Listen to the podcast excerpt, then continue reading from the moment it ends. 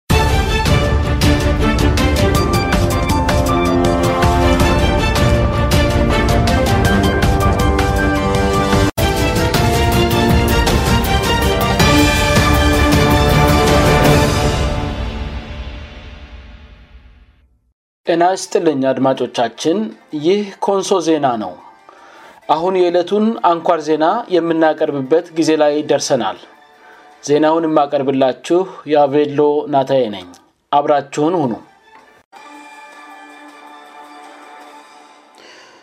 አርስተ ዜናዎቹን በማስቀደም የዕለተ ይሁድ የመያዝ 17 2013 ዓ ም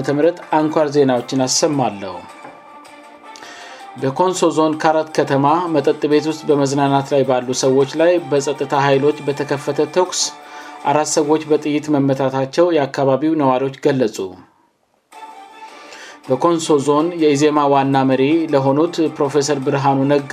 ማምሻውን ደማቅ አቀባበል እንደተደረገላቸው ተገለጸ አሁን ዜናውን በዝርዝር አሰማለሁ በኮንሶ ዞን ካራት ከተማ መጠጥ ቤት ውስጥ በመዝናናት ላይ ባሉ ሰዎች ላይ በጸጥታ ኃይሎች በተከፈተ ተኩስ አራት ሰዎች በጥይት መመታታቸውን የአካባቢው ነዋሪዎች ገለጹ በኮንሶ ዞን ዋና ከተማ ካራት በትላንትና ዕለት በመዝናኛ ቤት ውስጥ በመዝናናት ላይ ባሉ የአካባቢው ነዋሪዎች ላይ በደቡብ ልዩ ኃይል ሰራዊት በተከፈተ ተኩስ በመዝናኛ ቤት ውስጥ ያሉ ሶስት ሰዎች ና በመንገድ ላይ በመጓዝ ላይ ያሉ አንድ ናት በጥይት መመታታቸውን የአካባቢው ነዋሪዎች ለኮንሶ ዜና ገለጹ ቀደም ስል ብዙ ቁጥር ያላቸው የልዩ ሀይል ሰራዊት በተለምዶ ላኛው ዶከቱ በሚባለው ከተማው ክፍል በስፋት መሰማራታቸውን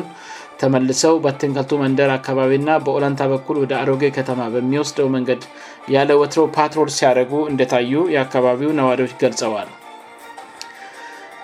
ግጭቱ የተፈጠረው ነዋሪዎቹ ከወትሮ በተለየ ሁኔታ በጊዜ ወደ ቤት እንዲሄዱ በክልሉ ልዩ ሀይል በመገደዳቸው እንደሆነ የተገለጸ ሲሆን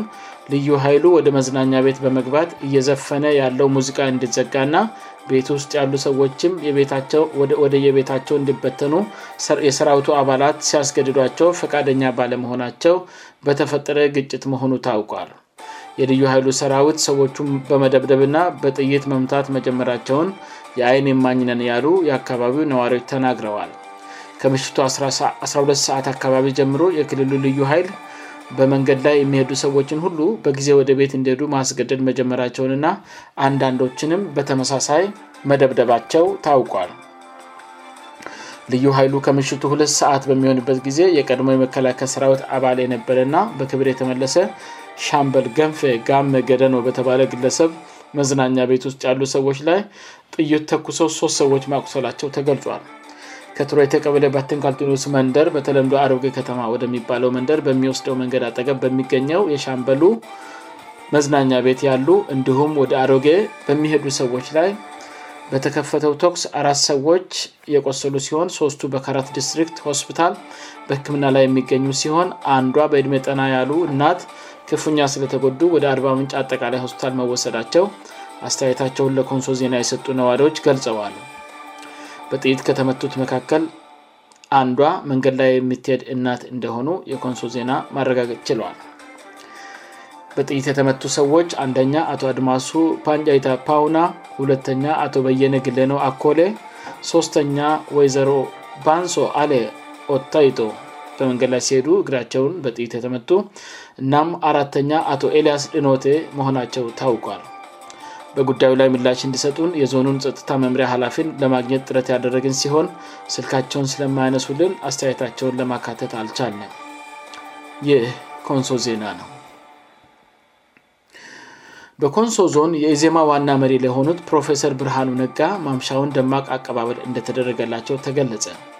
የኮንሶ ዞን ኢዜማ ፓርቲ ደጋፊዎች ለፓርቲው ተቀዳሚ መሪ ፕሮፌሰር ብርሃኑ ነጋ ዛሬ ማምሻውን ደማቅ አቀባበል ማድረጋቸውን ከአካባቢ የወጡ መረጃዎች አመለከቱ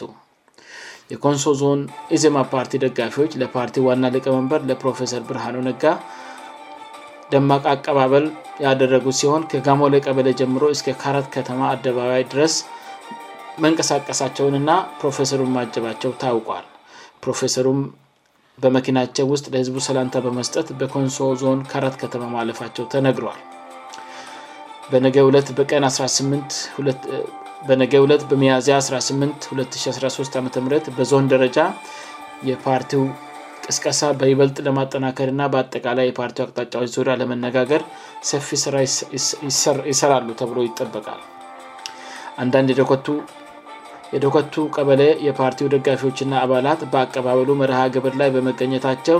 እጅግ መደሰታቸውንና በይበልጥ ፓርቲው እንዲያሸንፍ በትጋት ና በተጠናከረ መልኩ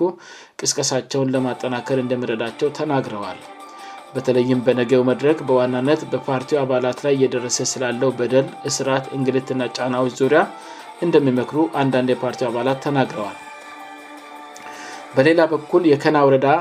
ኢዜማ ፓርቲ አባላት ከወጥሮ ለየት ባለ መልኩ ያሉባቸውን ችግሮችን በጥልቀት በመፍታት በጌራ ቀበሌ የተሳካ ቅስከሳ በማድረግ በሞተር በመታጀብ በጭፍራ ና በእግድ ጉዞ የፓርቲውን የቅስቀሳ ስራ በተሻለ መልኩ ማከናወን መቻላቸውን ተናግረዋል በተመሳሳይ በፓርቲ አባላት ላይ የተለያየ ጫናዎች እየደረሱ ቢሆንም ለዓላማው ስኬት የበኩላቸውን ለማድረግ የተለያዩ ስልቶችን በተሻለ መልኩ በመቀየስ ለውጠት ይንሰራለን ብለዋል ዘገባው የባልርባችን ማቶ ካራዶ ነው ይህ ኮንሶ ዜና ነው አድማጮቻችን ዜናውን ከማብቃት በፊት አርስተ ዜናውን በድጋሚ ያሰማለው በኮንሶ ዞን ከአራት ከተማ መጠጥ ቤት ውስጥ በመዝናናት ላይ ባሉ ሰዎች ላይ በጸጥታ ኃይሎች በተከፈተ ቶኩስ አራት ሰዎች በጥይት መመታታቸውን የአካባቢው ነዋሪዎች ገለጹ በኮንሶ ዞን የኢዜማ ዋና መሪ ለሆኑት ፕሮፌሰር ብርሃኑ ነጋ ማምሻሁን ደማቅ አቀባበል እንደተደረገላቸው ተገለጸ ዜናው በዚያ ያበቃ አድማጮቻችን የዕለቱ አንኳር ዜናችን ይህን ይመስል ነበር ስላዳመጣችሁን እናመሰግናለን ደህና ቆዩን